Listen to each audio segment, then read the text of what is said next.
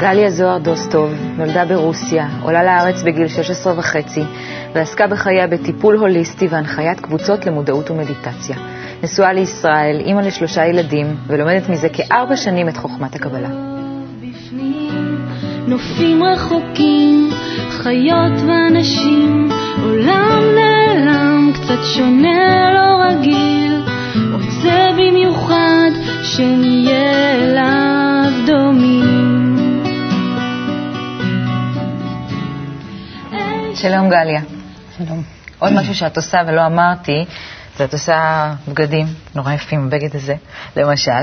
את תופרת ומעצבת אה, תלבושות ומלבישה אותנו. אה, אבל היום אני רוצה לא, לא, שלא נדבר על, אה, על מה אני אלבש בתוכנית הבאה, אלא על המסע, החיפוש שלך, שהתחיל מהילדות, ואיך הוא ניתב אותך במהלך החיים, ואיך הוא הביא אותך בסוף לכאן, אלינו. אז פשוט בואי נתחיל עם החפץ שבחרת להביא.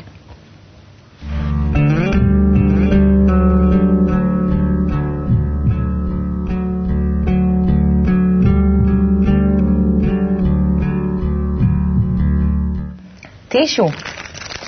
טישו. Uh, האמת היא, כשביקשת חפץ ולא קשור לקבלה, אז היה לי די קשה, פתאום כזה עליתי על זה, אמרתי, כאילו, מה, אני לא מחוברת לכלום, לאיזה משהו כזה? כלום, פשוט שום דבר לא היה לי להביא. ועליתי על זה שאם יש משהו שאני באמת מחוברת, אז זה פשוט טישו. למה טישו? למה טישו? את יודעת, לפני איזה חודש, חודשיים, הייתה פרסומת נורא מעניינת, נדמה לי, איזשהו ערוץ לא חשוב, שכל דבר אצל בחורה נגמר בטישו. היא מקבלת ורד מבן זוג שלה, תופסת את הוורד, נתקלת בקוץ, אז זה מסתיים בטישו. הוא מספר לה שהוא מציע לה נישואים, אז היא מתחילה לבכות, אז זה מסתיים בטישו. ואז אחרי כמה זמן הוא מודיע לה שהוא נפרד ממנה וזה לא בגללה, אז זה גם כן מסתיים... גם אצלך הכל מסתיים בטישו? גם במקרה שלי הכל מסתיים בטישו. אה, מישהו פעם אמר שיש לי עודף נוזלים. אני פשוט בוכה בקלות. הילדים שלי צוחקים עליי שאני גם בוכה מסרטים מצוירים. אז, אה, אז זהו, טישו. טוב, אז בואי נשאיר לנו פה את הטישו, נלך אחורה לילדות שלך, ונראה איפה השתלב שם הטישו.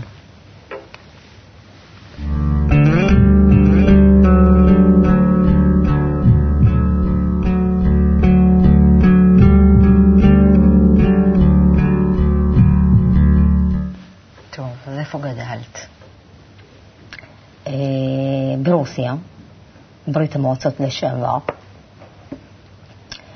גרנו עם סבתא, אישה מאוד מאוד דומיננטית.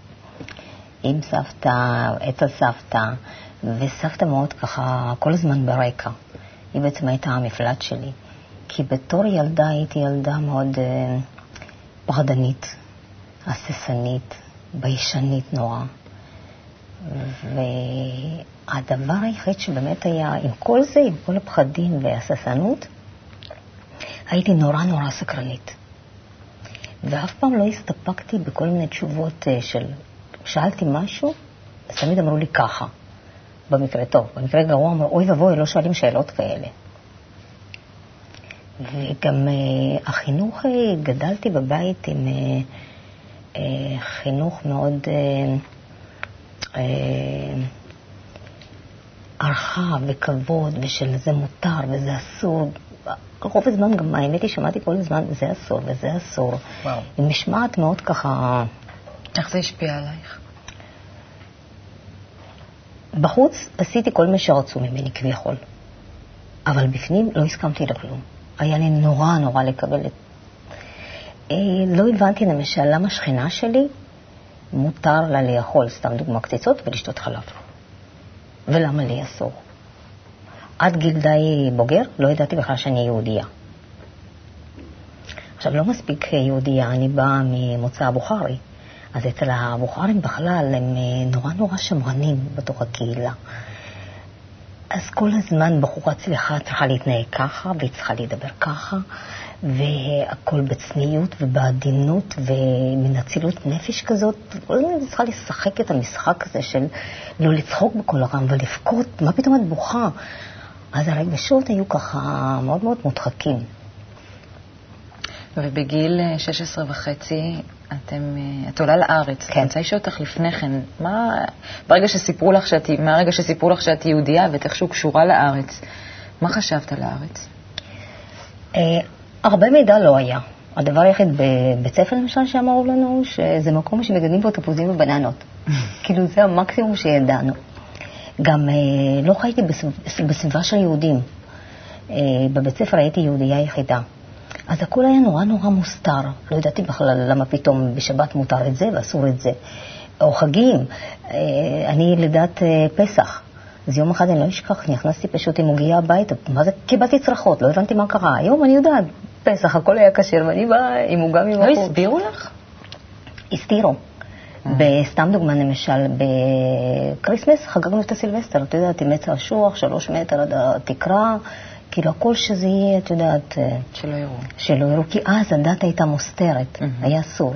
אצל סבתא שלי, לעומת זה, אה, בתוך החצר, היה חדר שהייתה מזכירה לבית כנסת.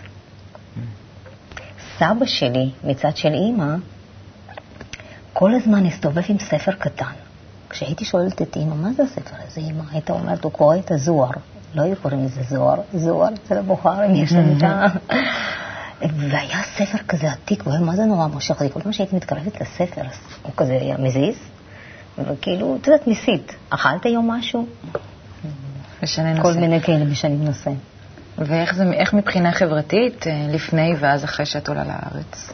לא היו לי חברות, כי היה פשוט אה, איכשהו, לא יודעת אם זה היה ממש אסור או לא, כל כך אה, הייתה מין אווירה של דאגה וחרדה ו- ולשמור מבועה כזאת סגורה. אז לא היו לי אף פעם חברות שמה, בטח לא חברים. אה, הדברים שהסכמתי מבחוץ, כאילו הייתה לי ברירה, אבל לא הסכמתי בפנים, וזה מסוג הדברים, למשל אם היה... אה, ברוסיה היו שולחים את הילדים מאחד לכמה חודשים לקטיף. פעם קטיף כותנה, פעם תפוחי אדמה, לא יודעת מה. אפילו לא הייתי אומרת שכיתה יוצאת, כי מנתחיל ידעתי שאני לא אקבל אישור. יציאה. או מסיבות, מי יכל בכלל לחשוב על דבר כזה. ואז כשאת עולה לארץ, ואז ב-72-73 השערי ברזל, מה שנקרא, נפתחים, ויש יציאה של המונים. וואי, זה היה מין טררם כזה, אמרתי, אלוהים אדירים, סוף סוף יש תקווה. אני לא אצטרך להיתקע כאן. לא יודעת, הייתה מין הרגשה באוויר נורא נורא מוזרה. אבל פרידה שהמשפחה התחילה לצאת, סבתא שלי עלתה לארץ ב-73, מין פרידה הייתה נורא כזאת, כאילו זה סוף העולם, כאילו יותר כבר לא נראה אותם, מין משהו כזה. ואבא שלי, בגלל שעבד אה, במקום אה, שקשור לממשלה, מדינה, הוא היה בסטטוס של כמו מבקר מדינה כזה. אה, הרבה אני גם לא זוכרת אותו מילדות, הוא כל הזמן היה בנסיעות. איך שהוא ביקש יציאה, כאילו אישור לצאת, נתנו לה. לא נתנו אה, לו. לא נתנו זהו, לו? אז היינו שלוש שנים מסורבי עלייה. ממש, כן. ואז כשאת עולה, מה קורה, קורה לך כאן? מה קורה לשאלות שאת שאלת, לאסור, מותר, ל... הכל נעלם, כאילו את מגלה עולם אחר לגמרי, המון חוק. קודם כל הייתי בשוק שיש כל כך הרבה סוגים של יהודים. כאילו שמה, לקראת גיל 16 הבנתי שיש בוכרים ויש אשכנזים. ואז אה, באותה תקופה העלייה לא הייתה ישירה, כל אחד בא לאן שהוא רוצה, אז בגלל שהייתי שייכת להורים אקדמאים, מה שנקרא, אז אולפן סגור. זרקו אותנו קרוב לעזה, נתיבות, ושם היינו איזה שמונה חודשים. היינו צריכים ללמוד עברית וכל מיני כאלה. תוך חודש דיברתי שפה, פשוט לא האמינו שאני חודש בארץ. אני לקחתי מילון ומילה אחרי מילה, מילה אחרי מילה. למה? השפה הייתה נורא חשובה לי, כאילו מה, בת 16 וחצי, כאילו מה יש לי לעשות בלי שפה? זה גם הייתה תקופה אחרת, לא כמו היום, עלייה של שנות ה-90 וה-2000, זה קצת אחרת, הם יותר כזה ביחד. לא, לא הסכמתי להורים בכלל שידברו, לא רוסית ובטח לא בוכרית בחוץ. את הבוכרית, דרך אגב, למדתי מסבתא פה בארץ, לא ידעתי את זה. אבל שם לא הסכמתי בשום פנים ואופן שישתמשו בשפה. ומה עם מה שקורה בתוכך? זאת אומרת, זה פתאום זה הכניס נעלם. שמחה? זה נעלם, וכאילו את מגלה עולם חדש, אה, חופש, המון המון חופש, ואז פתאום כאילו מצד אחד יש חופש, מצד שני, או, שם הייתי, גיליתי שפתאום אני יהודייה, אז אסור לי זה וזה וזה. ופה אמרו לבוכריות, זה אסור. פשוט זה היה כזה סיוט. שם קראו לי, כשידעו שאני יהודייה, אז מילת גנאי כזה יהודייה. פה פתאום הייתי רוסייה.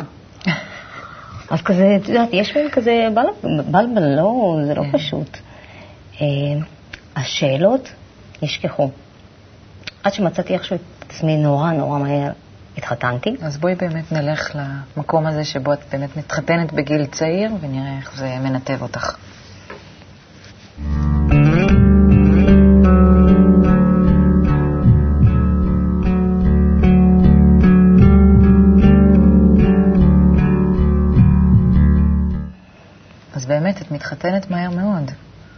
19. ונולדים ילדים.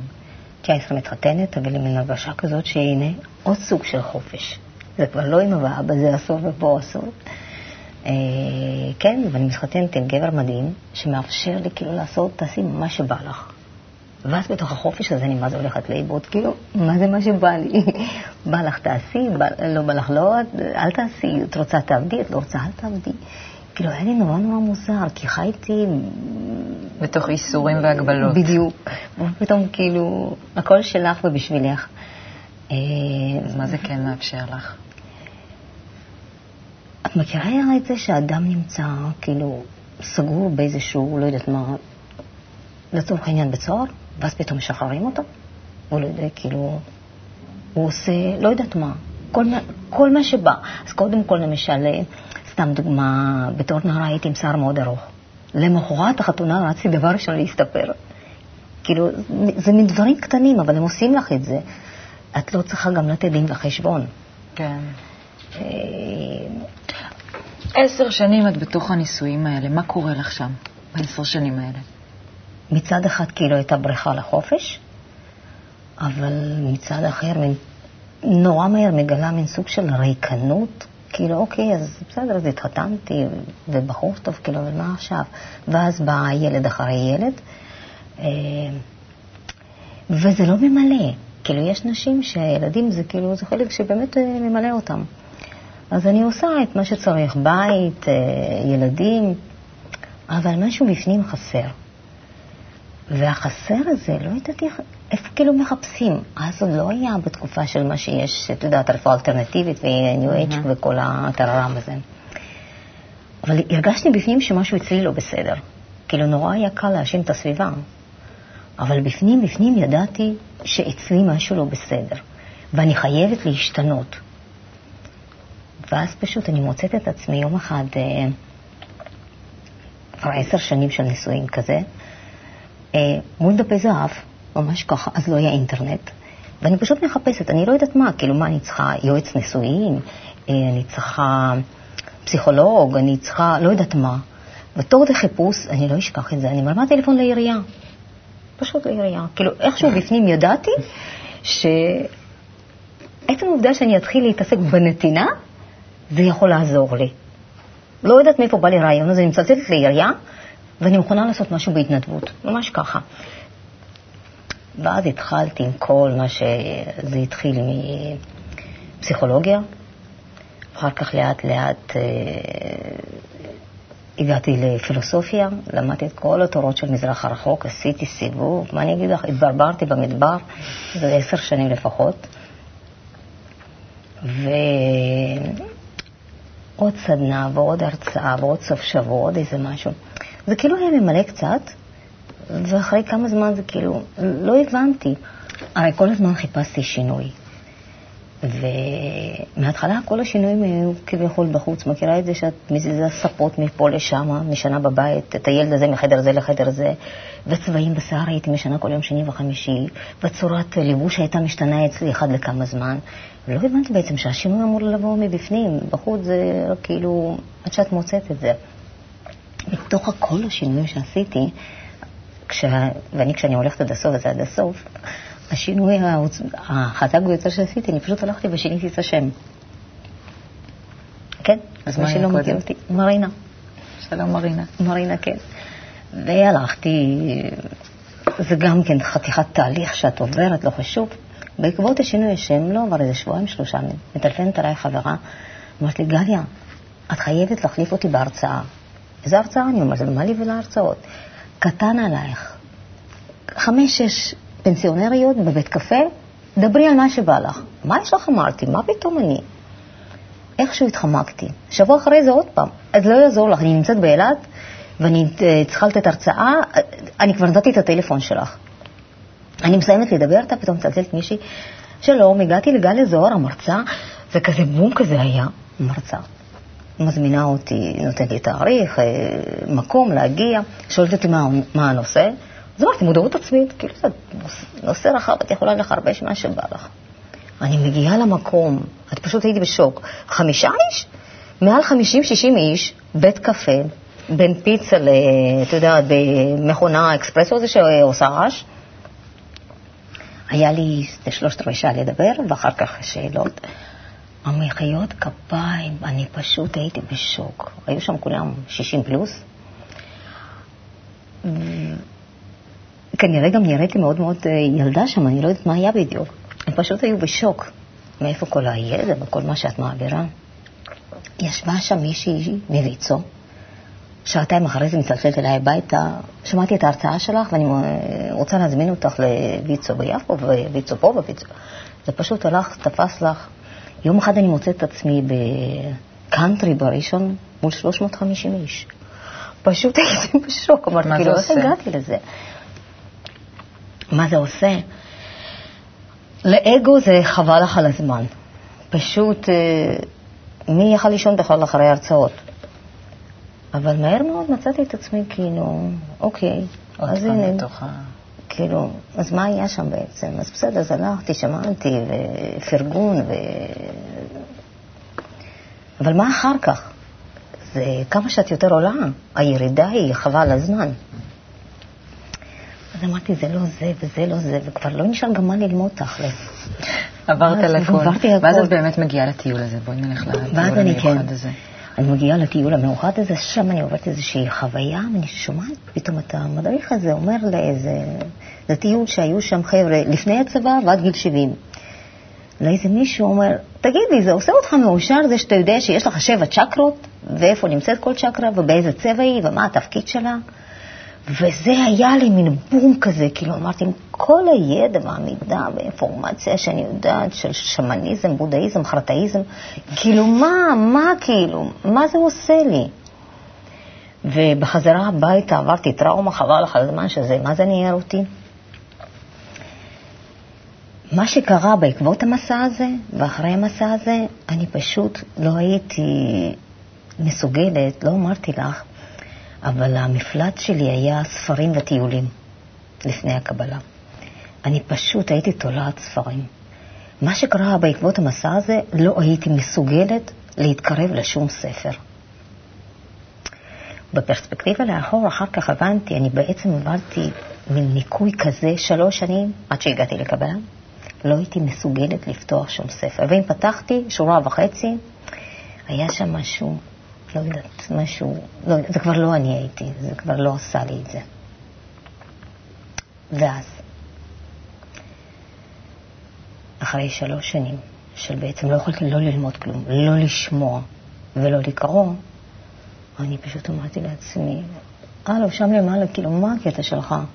הבנתי את הרעיון, אני רוצה משהו קרוב לבית, משהו שלא עולה כסף, ומשהו אמיתי. אבל זה הייתה, זה לא הייתה בקשה, זו הייתה מין דרישה כזאת מבפנים, כאילו, כי נמאס לי לנסוע, אני נסעתי עד לערד ויבניאל, לאן לא נסעתי בשביל כל הסדנאות האלה. ושילמתי, פשוט שילמתי הון תעופות, הדברים האלה עולים כסף. וכל הזמן בעלי אמר, מה יש לך לחפש בשדות זרים? למה לא, את לא הולכת לקבלה? כל הזמן הוא אומר לי, למה לא קבלה? למה לא קבלה? למה לא קבלה? אמרתי, מה יש לך עם קבלה? מה לי ולקבלה בכלל? אחרי איזה יומיים של בקשה הזאת, אני עומדת, יודע, בעיר שאני גרה, חולון, רחוב סוקולוב כזה. העמודים האלה ששמים מדבקות, אני רואה עמוד ענק, דף כזה, דף פוליו בצבע צהוב, אני לא אשכח.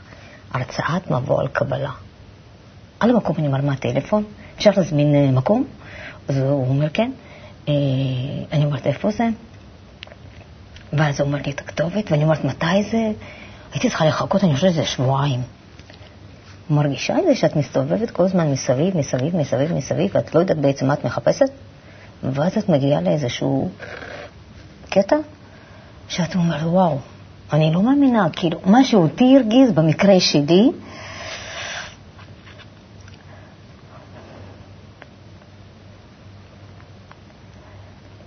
שזה בעצם כל הזמן היה על ידי.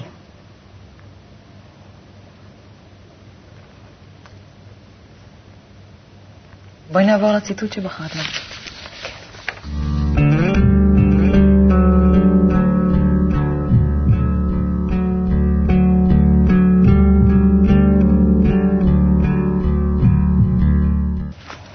טעמו וראו כי טוב השם. זה לקחת מתהילים ל"ג. כמובן שמשתמשים בזה עוד ועוד. בעל הסולם, בהקדמה לתלמוד. גם משתמש. כן, בהחלט. אבל המקור של זה בתהילים. כן. אז למה, למה הבאת אותו? וואו. קודם כל, אה, בגלל שאני ענינת טעם. את יודעת, בתור ילדה כל הזמן היו אומרים לאמא שלי, ממה היא חיה? הייתי ילדה נורא נורא רזה. הייתה אומרת מרוח. כשמצאתי את הדבר הזה, כאילו, את הציטוט הזה, אמרתי, וואו, איפה זה לקח אותי? למה טעמו? מכירה את הילדים העקשנים האלה, שאת מכינה להם משהו חדש, תבשיל, ואז הם לא מוכנים לטעום? ואז את אומרת לו, למה? אז הוא אומר, אני לא אוהב את זה. ואת אומרת, אבל למה? כי יש עגבנייה, כי יש בצל, לא יודעת מה, משהו לא נראה לו, אבל הוא לא מוכן לטעום. ככה גם אנחנו. לא סתם קוראים לנו עם קשה עורף, עקשנים. אני כל הזמן לא התקרבתי לקבלה בדיוק משני סיבות האלה. א', אמרתי מחזיר בתשובה, ב', אמרתי, וואו, זה משהו נשגב, אני עוד לא מוכנה לזה, צריך לעשות איזושהי הכנה פנימית לפני כן. מה פתאום, כאילו צריך, כאילו, מין, היו לי מין מושגים כאלה, הכשרת כלים, אני צריכה להכשיר את הכלים שלי בכלל לפני שאני באה לדבר הזה. ואז בעצם כש...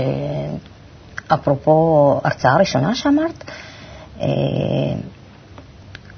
משהו כמו חודש אחרי זה, אני יושבת ככה בבית, בערוץ הקרמה, ופתאום אני רואה ערב אה, ישראלי, לא יודעת איך קראו לזה אז, בגני תערוכה, הרצאה של הרב לייטמן, ו... ותרבות, וכיבוד, ו... שעה שש בערב, בשש וחצי כבר מתכנסים, ואני יושבת לי, כאילו, פעם ראשונה גיליתי מה זה הרצון הזה, בכלל שזה לא ממני. רוצה ללכת, לא רוצה ללכת, רוצה ללכת, רוצה, אמרתי, מה קורה לי פתאום? ואז כמו שאני יושבת בבית, עם הטרייניק, נכנסת לאוטו, אני אומרת, אני הולכת. מה שאני עברתי שם. הערב התחיל בשבע בערב והסתיים באחד עשרה, אלוהים. אני חושבת שבארבע שעות אני עברתי איזה ארבעים גלגולים. זאת חוויה. אני חודש ימים אחרי הערב הזה הלכתי, אני פשוט לא, לא הרגשתי את הקרקע שאני דורכת. היה שם משהו מאוד עוצמתי. גליה, מבחינתך את מצאת את הדרך, נכון? מה התחושות שלך כלפי השאר? מה חשוב לך, נגיד, להגיד לעולם? לא סתם בחרתי בציטוט הזה, טעמו. פשוט תטעמו. תתנסו, תבדקו. תודה רבה, גליה. שוב לא אראה דברים כאמש, כי בא גל גדול ושטף את כולי. לרגע ראיתי ושוב נעלם את אותו האור שנצץ ונדם, ולשוב לא יכולתי, לנקיק הנסתר ממנו באתי. כי נפרס לפניי עולם שלם, אמיתי עד כאב ולגעת רציתי, ובפרוץ שמחתי שלה כה חיכיתי, ידעתי דמעות ישטפו את פניי, ולא יהיה בזה די. כי שאלה הייתה בי, וביקשתי תשובה. מהי אותה אהבה? רגע נגע בי, רגע הרגשתי, תחושת התעלות מעוף של נצח, לכמה שניות שהפכו להיות חיי.